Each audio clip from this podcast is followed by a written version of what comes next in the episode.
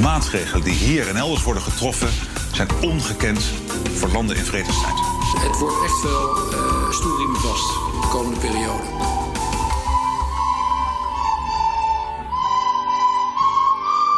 Ja, welkom bij Ongekend in Vredestijd, de podcast over de economische gevolgen van de coronacrisis en ook over hoe beleidsmakers daarop reageren. En vandaag gaan we, en je hoort het net al aan Beethovens negende, dit keer uitgevoerd door schoolkinderen op, jawel, de ocarina. Vandaag gaan we het hebben over Europa.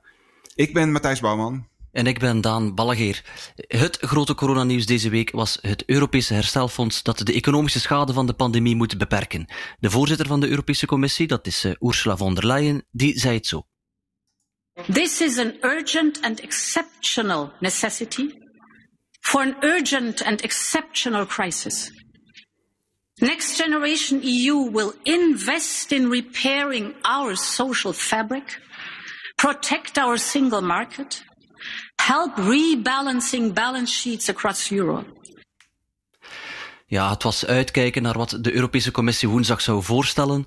In de voorgaande weken waren zowel de Frans-Duitse as als de Frugal Four met een eigen voorstel gekomen. En die laatste, de Frugal Four, dat is een coalitie van Nederland, Denemarken, Oostenrijk en Zweden. En als liefhebbers van de Nederlandse taal gaan wij die hier afwisselend omschrijven als zuinige vier en vrekkige vier, omdat beide vertalingen kunnen, maar iets heel anders impliceren, afhankelijk of je nu eurofiel of euroceptisch uh, bent. Ja, dit is in elk geval een gevoelig onderwerp. Zullen we daarbij helemaal neutraal blijven? Dat hangt af van je definitie van neutraal. Uh, iemand gaf ooit het hele mooie voorbeeld van een man die zijn grootmoeder ging bezoeken, zag hoe ze in haar tuin werd aangevallen door een beer en ging roepen: Kom aan, oma, kom aan, beer. We, we, willen jullie met andere woorden vertellen waarom, de waarom dingen gebeuren. En ja, misschien viel de beer oma aan omdat hij honger had. Ja. In elk geval, we willen niet helemaal neutraal blijven, eh, omdat dat ook denk ik gewoon niet lukt. En misschien moeten we dat ook gewoon niet willen, toch Matthijs? Ja, nou ja, jij was net al buitengewoon niet neutraal, vond ik, toen je plotseling het woord eurofiel in je mond nam. Ik, uh, ik heb daar een bloedhekel aan. Ik vind het ook heel vreemd, eurofiel tegenover eurosceptisch. Sceptisch willen we allemaal al zijn en kritisch en uh, hè, goed beoordelen of iets wel of niet klopt. En eurofiel is een soort idolate liefdesrelatie. Uh, ik ben geen eurofiel, maar ik denk wel dat Europa een, een bijdrage kan leveren aan onze problemen. En ik denk dat dat het onderscheid is. Als je eurofiel bent, nou, dan denk je gewoon dat, uh, dat Europa belangrijk is voor onze problemen en dat we samen moeten werken. En ja, de eurosceptici die geloven daar dus niet in. Laten we het zo het onderscheid voortaan maken. Ja, vind ik een um, ik, ik, ik, ik ga nog even terug naar de titel van onze, van onze podcast. Uh, Ongekend in vredestijd. Citaat van Rutte. Maar eigenlijk had het ook net zo goed een citaat van, uh, van de voorzitter van de Europese Commissie kunnen zijn deze week. Want wat zij voorstelde was ook echt ongekend in vredestijd. Het is een grote stap dat uh, Europa nu met zo'n plan komt om 750 miljard euro klaar te leggen voor landen om die te steunen. We zullen het straks ook hebben over dat ze daar zelf ook inkomsten voor willen genereren. Ook dat is een hele grote stap. Maar misschien toch wel even belangrijk om aan het begin duidelijk te maken waarom ze vinden dat dat nou nodig is. En uh, of die redenering klopt, ja, ik denk eigenlijk wel van wel. Maar daar gaan we het uh, de rest van de aflevering over hebben. Waarom is het nodig? Nou, ten eerste natuurlijk een ongekend groot fonds voor een ongekend diepe recessie. Ook deze week werden de voorspellingen toch weer naar beneden bijgesteld.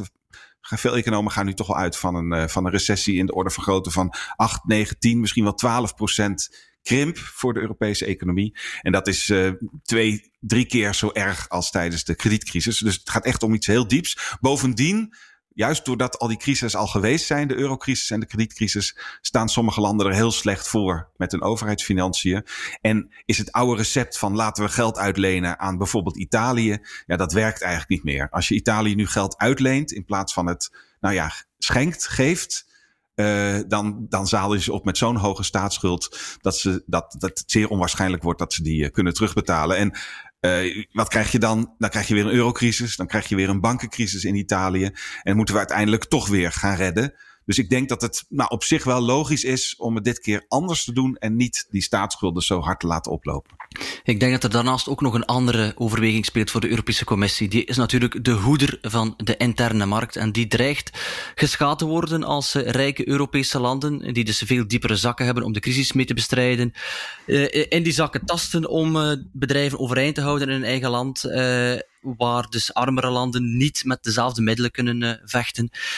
dat bleek ook al uit cijfers van Eurocommissaris voor Mededinging, Mariette Vestager, die deze week zei dat ze al voor 2300 miljard euro aan staatssteun heeft goedgekeurd. En 47 van dat, 47% van dat bedrag kwam vanuit Duitsland. de vergelijking in Italië was dat maar 18% terwijl dat laatste land natuurlijk onmiskenbaar zwaarder is getroffen door de pandemie. In een uh, opiniestuk in het FD deze week betoogde die uh, politicologe Catherine de Vries dat een herstelfonds ervoor zou moeten zorgen dat elke burger en elk bedrijf in de EU een goede kans moet hebben om uit deze crisis te komen. En daar lijkt dus niet helemaal sprake van te zijn. Normaal gezien doet de commissie er ongeveer zes maanden over om staatssteun goed te keuren. En nu is het vaak een kwestie van uh, maar een paar dagen.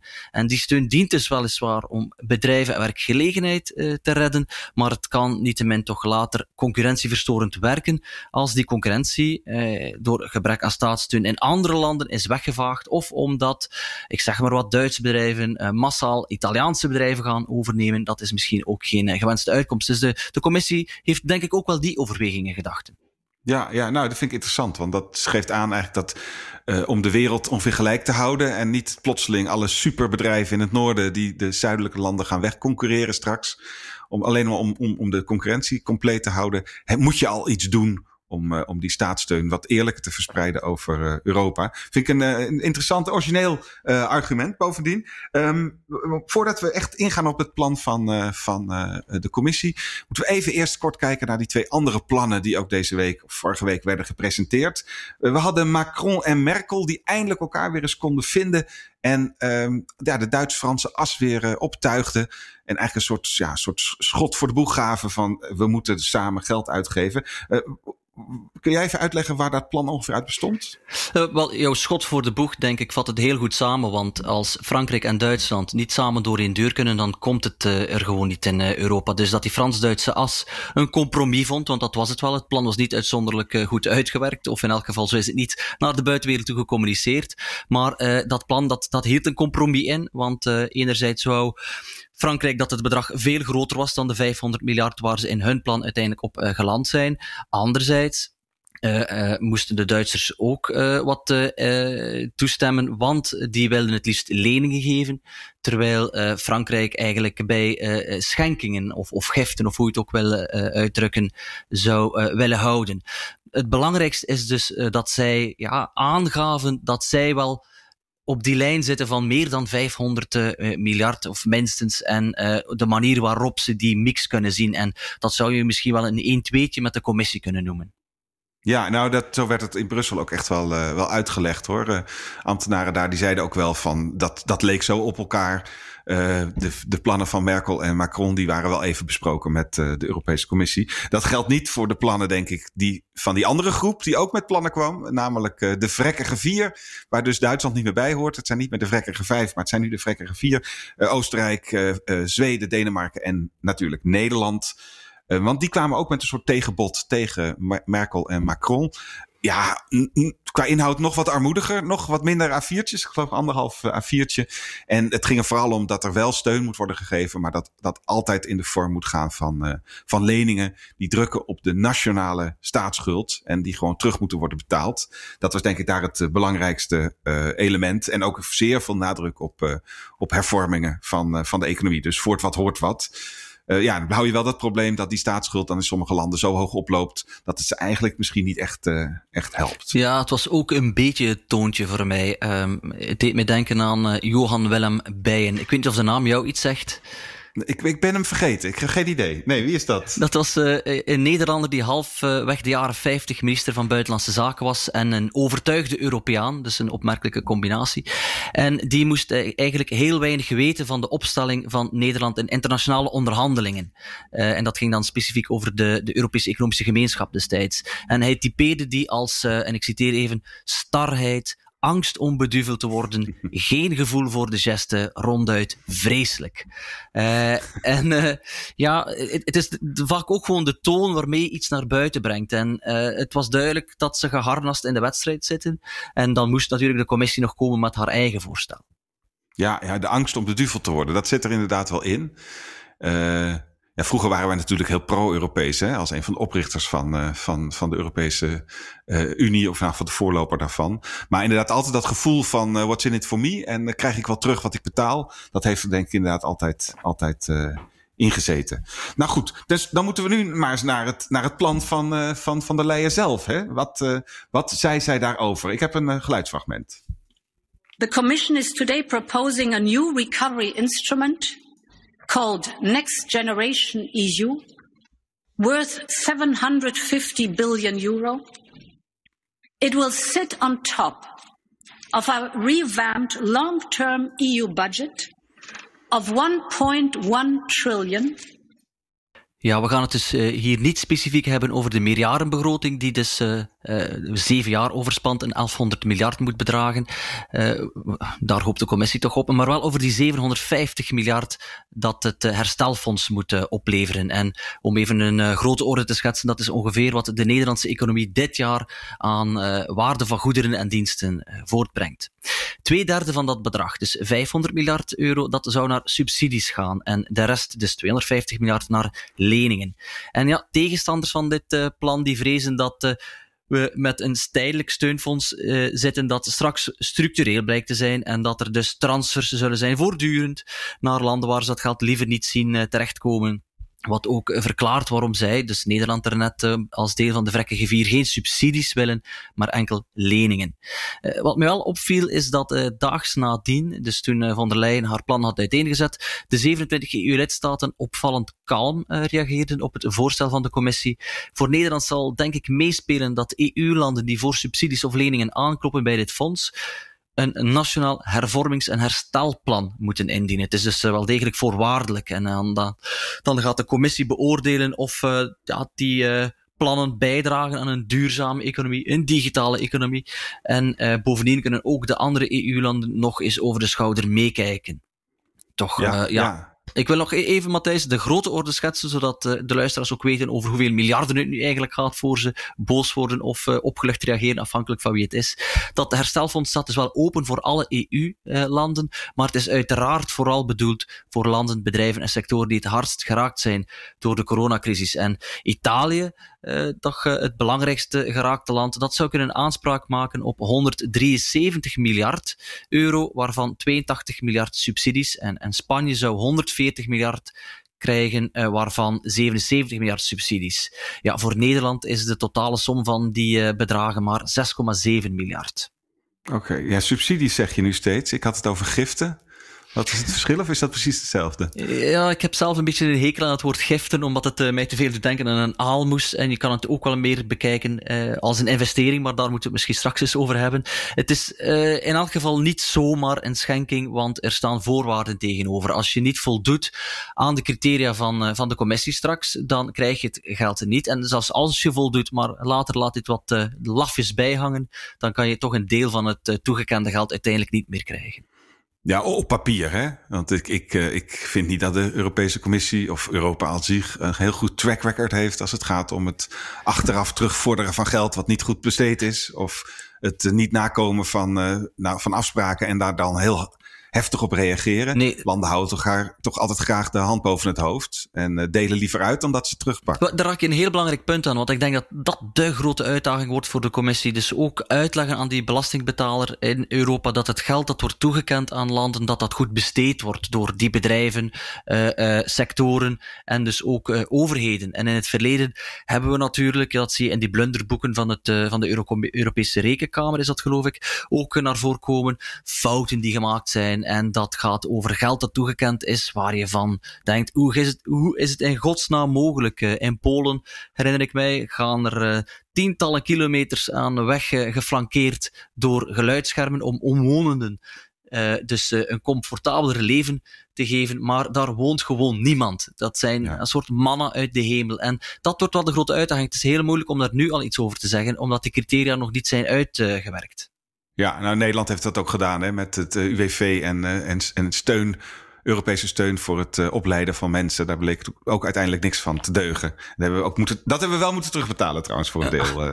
maar wij doen het ook wel eens verkeerd. Ja, dat is natuurlijk het geld uitgeven, die 750 miljard. Interessant is ook, vind ik, aan de voorstellen van de commissie dat ze ook geld willen ophalen. En dat was ook wel een noviteit. De Europese Commissie heeft voorgesteld om zelf uh, belastingsmiddelen te krijgen, dus eigen inkomsten. Dat is niet helemaal uh, totaal iets nieuws, want ze krijgen nu vanuit de BTW, die lidstaten in, al automatisch een, een deel gestort.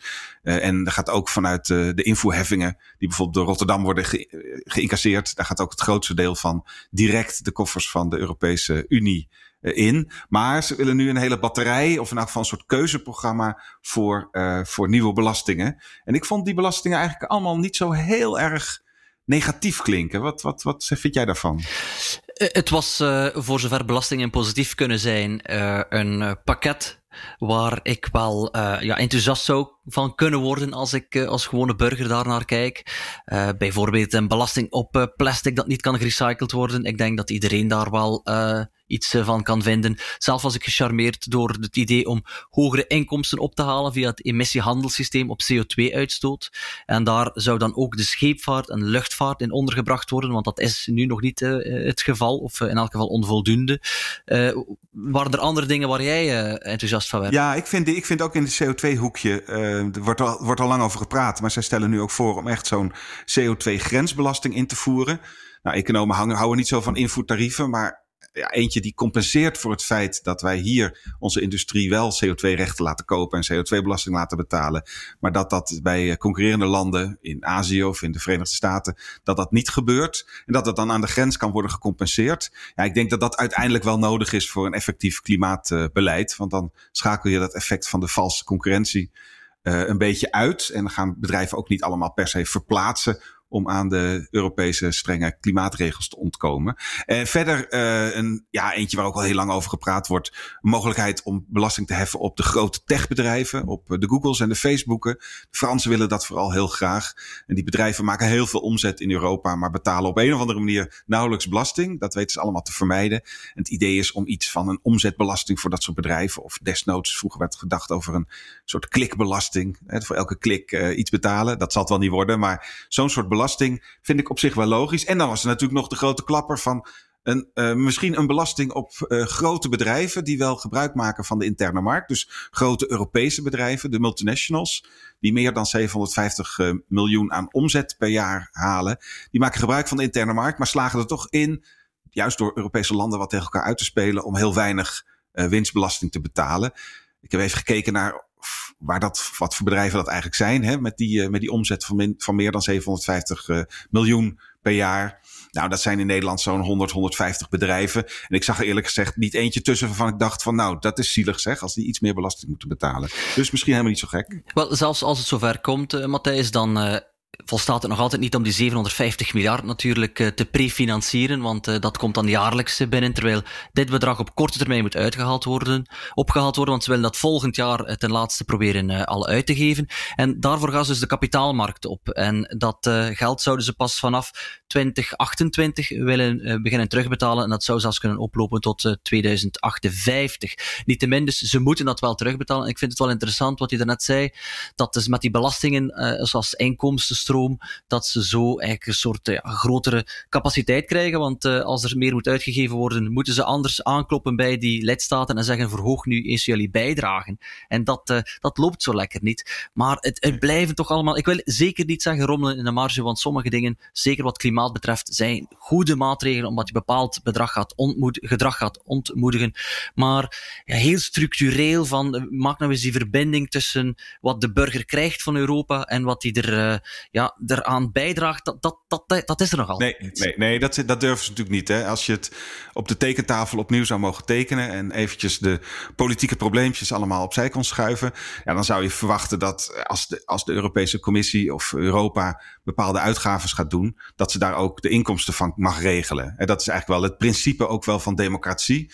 Dat als een, uh, als een bestuurslaag bepaalde taken krijgt, en ze moeten daar besluiten over nemen en die leggen ze voor aan de bevolking. Dat ze dan ook kunnen laten zien aan de bevolking. En als je dit wil, dan kost het dit bedrag. En dat gaan we dan bij je innen. Dus een soort ingezetene belasting of een soort inkomstenbelasting voor, uh, voor, uh, van, vanuit Brussel op alle Europese burgers. Ja, dit zijn woorden die je eigenlijk in Nederland niet mag uitspreken. Ik weet ook niet of ik ervoor ben, maar het is in ieder geval wel een stuk logischer. En vergelijk dat dus bijvoorbeeld met hoe het gaat, en daar gaat het ook mis, bij de Nederlandse gemeentes, die ook al meer taken krijgen maar die uiteindelijk het grootste deel van hun geld gewoon uit het gemeentefonds krijgen. Dus daar zelf niks over te zeggen hebben. En die krijgen aan de ene kant dus wel het verzoek van de bevolking: hou het zwembad open, zorg voor een muziekschool en geef ook uh, de jeugdzorg genoeg geld. Maar ze kunnen niet de bevolking die afweging voorleggen van als je wil dat het zwembad overblijft, dan zul je, zullen we de belastingen moeten verhogen. Want ze hebben eigenlijk nauwelijks, behalve de WOZ, nauwelijks uh, belastinginstrumenten. En dat leidt eigenlijk tot een soort schijndemocratie, vind ik. Want de, de burger kan niet de eerlijke keuze voorgelegd krijgen. En dat is ook iets wat je in Europa ziet. Dus wat meer belastinginstrumenten voor Europa. Uh, liever wat algemener dan dit. Inderdaad, gepruts in de marge, zoals je het zegt. Dat is, uh, dat is eigenlijk, ja, gewoon vanuit de logica is daar wel wat uh, voor te zeggen. Politiek is het helaas onhaalbaar. Uh, onhaalbaar, dat ging ik net vragen. Je klinkt, uh, ja. Uh, ja. nee, dat gaat. Kijk, dit, dit is ongeveer het, het, het, het, het allergrootste plezier wat je de, de Europa-haters kunt doen, is natuurlijk een Europese belasting invoeren. Dat geeft, hè, dat wordt zo'n kwartje van kok voor de komende honderd jaar, maar dan ja. niet een kwartje. Dus dat, ik denk dat dat om, om PR-redenen gaan ze dit soort belastingen altijd proberen een beetje te verstoppen achter goede doelen, zoals uh, minder plastic in de, in de zee. Oké, hoe, hoe moet het nu verder? Hè? Dus om dat geld te kunnen lenen, heeft de commissie wel de unanieme goedkeuring nodig van de lidstaten en ook van de nationale parlementen. En uh, daarvoor is het uitkijken naar 19 juni, wanneer er een Europese top is. En dat mag je verwachten Daarvan mag je verwachten dat het er uh, nog wel wat gesteggel zal opleveren om tot een akkoord te komen als het uh, dan al lukt. Want er is niet alleen oneenigheid tussen Noord en Zuid, maar ook tussen Oost en Zuid. Want landen in Oost-Europa die zijn bang dat uh, pakweg Italianen en Spanjaarden met hun subsidies gaan lopen. En dat zijn Bulgarije en Roemenië bijvoorbeeld landen die nog altijd stukken armer zijn dan Italië en Spanje. En dan weet ik wel dat dit coronafonds, herstelfonds, op die economische gevolgen van de coronacrisis gericht zijn. Maar ja, er is nog altijd die, die welvaartsdimensie die verschilt, die, die moeilijk ligt. Maar, maar ja, is, dat is waar. Ja. ja. Ja. er zit dan ook in, de, in het programma zit dan ook alweer cadeautjes voor het oosten, geloof ik. Hè? Ik zag een groter bedrag voor, uh, voor, de, voor de kolensector en de kolenregio's in uh, Polen. Die moeite hebben met uh, de energietransitie, om het even heel zacht te zeggen. Daar zou dan weer miljarden naartoe gaan. Heeft allemaal niks met corona te maken of met een recessie.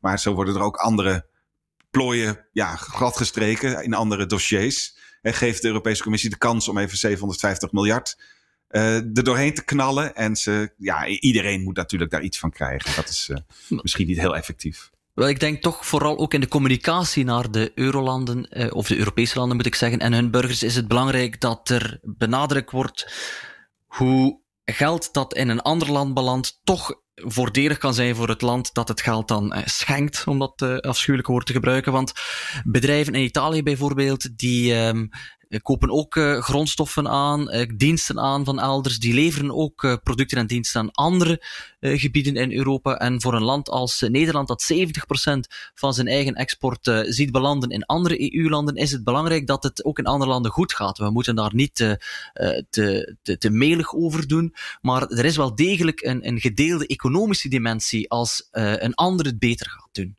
Ja, ja, ik denk als je, als je Zuid-Europa laat verschrompelen en uh, Frankrijk krijgt last en problemen en belandt in een schuldencrisis. Ja, het is, het is eigenlijk evident dat, uh, dat de Nederlandse economie heel hard zou, uh, zou raken. Het is alleen moeilijk om dat sommetje te maken. Hè? Het is altijd, je, je, je voelt me altijd als een, als een, als een, een, een, een zwemmer die, die niet heeft leren zwemmen. Als ik moet uitleggen waarom we aan de ene kant poen moeten betalen en aan de andere kant iets heel vaags terugkrijgen. Namelijk welvaart en bedrijvigheid. En mm. het, valt, het zijn wel trouwens veel onderzoeken die ook dat in harde cijfers weten om te zetten. En dan zie je ook dat Nederland een van de grootste profiteurs is, als je dat woord mag gebruiken, van uh, de interne markt. En ook een van de grootste uh, profiteurs in economische zin van, uh, van de Europese Monetaire Unie, hè, van de euro. Zitten wij continu in die toplijstjes. En een land als Italië bijvoorbeeld zit in die lijstjes een stuk lager. Uh, dus dit klopt wel, die uitruil bestaat, maar hij is wel heel moeilijk uit te leggen. Ja, en misschien toch ook nog eentje eraan toevoegen. Uh, Nederland heeft natuurlijk uh, zelf ook wel wat boter op het hoofd als het over Europese solidariteit gaat. ik las deze week een studie van Tax Justice Network. Er is een internationale organisatie die zich inzet voor eerlijke belastingen en dan voel je mij al komen. Die stelt dat de Europese Unie door de Nederlandse fiscale strooppot jaarlijks 9 miljard aan vennootschapsbelastingen aan zijn neus ziet voorbijgaan. En voor Italië alleen al zou dat jaarlijks 1,5 miljard zijn, voor Spanje 1 miljard. En ja, hoeveel ontvangt Nederland dan zelf? In belastingen van al die fiscale gelukzoekers 2 miljard. Dus er is een soort welvaartsverlies van 7 miljard euro. Dus ja, met andere woorden, Nederland is ook niet zonder zonde. Maar, maar ik Nee, wou je toch nog één vraag stellen. Ja. Eh, von der Leyen deed uh, deze week, vond ik, haar stinkende best om uh, grootspraak uh, te bezigen en de, de, de, de benadruk te leggen op hoe ongekend lastig deze periode is en hoe ongekend sterk het Europese antwoord daar moet op zijn. vond jij dat ze klonk als een staatsvrouw? Nou, ze deed wel echt heel erg haar best. Ze had de tekst heel goed uh, voor zich liggen en ook wel goed geoefend. Ik vond er, nou, weet je, ik heb een aantal fragmenten van haar klaargezet. We gaan we niet, die gaan we niet allemaal nog afluisteren. Maar laat ik ze even dwars door elkaar dan uh, afspelen. Daar, daar, daar komt uh, This Ursula. is an urgent the Commission is today proposing a new recovery instrument for an urgent and exceptional generation EU binary next generation EU 750 nou, ik zet, uh, ik zet er weer, uh, weer uit. Het, het, het, was allemaal op dezelfde toon. Met een enorme stelligheid. Een soort nou, uh, Robert Jetten zou het uh, niet beter kunnen doen. Om even heel flauw, uh, flauw te zijn. Uh, het, ik vond het uh, heel krampachtig. En zij is nog niet, zij is nog niet, uh, wordt het misschien wel, maar zij is nu nog niet de staatsvrouw waar uh, iedereen automatisch achteraan loopt, denk ik. Dat doet mij denken aan, natuurlijk de Europese commissievoorzitter uh, die als heilige graal uh, geldt voor al zijn opvolgers. En dat is Jacques Delors, die van uh, 85 tot 95 voorzitter was van die Europese commissie. En dat was zo'n zwaar gewicht dat de Europese politici voor zijn opvolger bewust op zoek gingen naar een zwakkere figuur. En dat was Jacques Santer, een Luxemburger, die er trouwens door een corruptieschandaal niet eens in slaagde om die termijn uit te doen. Ja, bij Delors die zette echt in op een dramatische opschaling van de interne markten, de, het vrijmaken van goederen en waar mogelijk ook diensten. En bij von der Leyen heb ik het gevoel dat zij inzet op die bredere invulling van de bevoegdheden. Dat zag je ook al bij de Green Deal. Uh, nu komen er ook wat sociale dimensies bij, dus uh, ik ben heel benieuwd hoe ze het de komende jaren gaat uh, doen. Ja, nou, nog één, even heel kort, nog één ding, punt wat ik wil maken over dat, over dat uh, reddingsplan. En vooral die leningen die de Europese Commissie gaat, uh, gaat uitgeven. Um, die, die moeten natuurlijk allemaal opgehaald worden op de kapitaalmarkt. Hè. Daar gaan pensioenfondsen, van, uh, banken gaan daarin investeren. Want het zijn lekker kredietwaardige leningen. Maar uiteindelijk, als je, als je gewoon kijkt naar wat de Europese Commissie doet, dan is dat stiekem toch iets van eurobonds creëren. Op basis van gemeenschappelijke kredietwaardigheid van alle eurolanden. Eigen schuld uitgeven. En dan weet ik ook wel waar een groot deel van die schuld uiteindelijk gaat belanden. Want dit is natuurlijk snoepje van de week voor de Europese Centrale Bank. Die op zoek is naar dingen om op te kopen. Ja, zo'n heerlijke gecombineerde eurobond. Dat is precies waar uh, dat opkoopprogramma voor gemaakt is. Dus ook uiteindelijk belandt denk ik veel van deze schuld als de recessie zo diep wordt als we denken, belandt gewoon op de rekening van de Europese Centrale Bank. Denk je niet?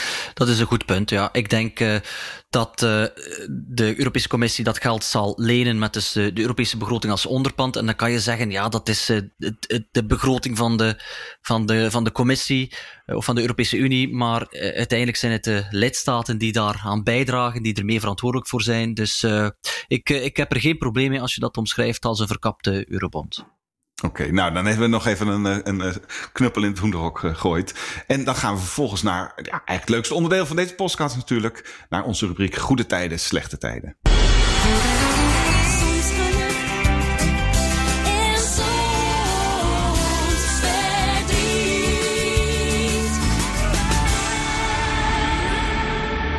Ja, ik heb het goede nieuws. Uh, het goede nieuws is, uh, dames en heren, we hebben een V-vormig herstel in Nederland. Het producentenvertrouwen stijgt weer. Was uh, geleden op het allerlaagste punt ooit beland op 28. Min 28 moet ik zeggen. Maar het is weer heel hard aan het stijgen naar min 25. En de hoofdeconoom van het Centraal Bureau voor de Statistiek mocht bij Goedemorgen Nederland dat uitleggen. Ik denk dat het betekent dat de industrie misschien wel denkt dat het ergste voorbij is. Ze zijn nog steeds wel heel erg negatief. Het cijfer van april was het laagste ooit gemeten. Nou, dit is het ene laagst ooit gemeten. Dus wat dat betreft uh, gaat het nog steeds niet heel best. Aan de andere kant, het uh, vertrouwen krabbelt wel iets op. We zien dat vooral ook bij de transportmiddenindustrie. Heeft er ook mee te maken dat een paar autofabrieken...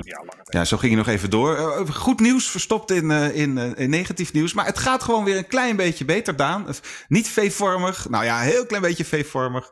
Maar we zien dat het misschien het echte dieptepunt van de totale corona-shock, dat dat, uh, voorlopig even achter ons. Ja, traag uh, holt de druppel de steen uit, denk ik dan. Ja, maar ja, we moeten het positieve zien, want uh, ik moet daar jammer genoeg iets negatief tegen zetten. Het slechte nieuws van deze week. En daar is de verliezer de Amerikaanse economie.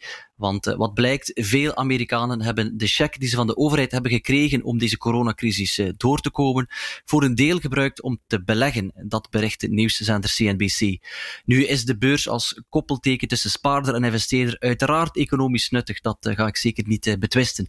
Maar op kortere termijn zijn de economische gevolgen waarschijnlijk veel groter als die Amerikanen dat geld gewoon hadden laten rollen. Uh, goed voor de beurs, maar slecht voor de economie, besloot uh, Lucas Daalder, de beleggingsstratege van BlackRock Nederland, in uh, zijn column in het FD deze week. En daarmee slaat hij denk ik de nagel op de kop. Ja, we hebben, arme Amerikanen hebben weer moeten beleggen. Nou, dat is inderdaad uh, bizar dat ze dat met het geld doet. Um, ja, ik, uh, ik, ik ga deze podcast aflevering afsluiten, uh, Daan. Ik ga iedereen bedanken voor het luisteren. En als je nou deze podcast een klein beetje waardeert, vertel dat dan alsjeblieft door. Want we willen alleen maar meer luisteraars natuurlijk. Maar het kan ook door een rating te geven in je favoriete podcast app. En als je daar dan toch bent, dan neem je natuurlijk een abonnement op deze podcast. En dan hoor je ons volgende week automatisch weer. En dan nu tenslotte toch nog even die fantastische ocarina's.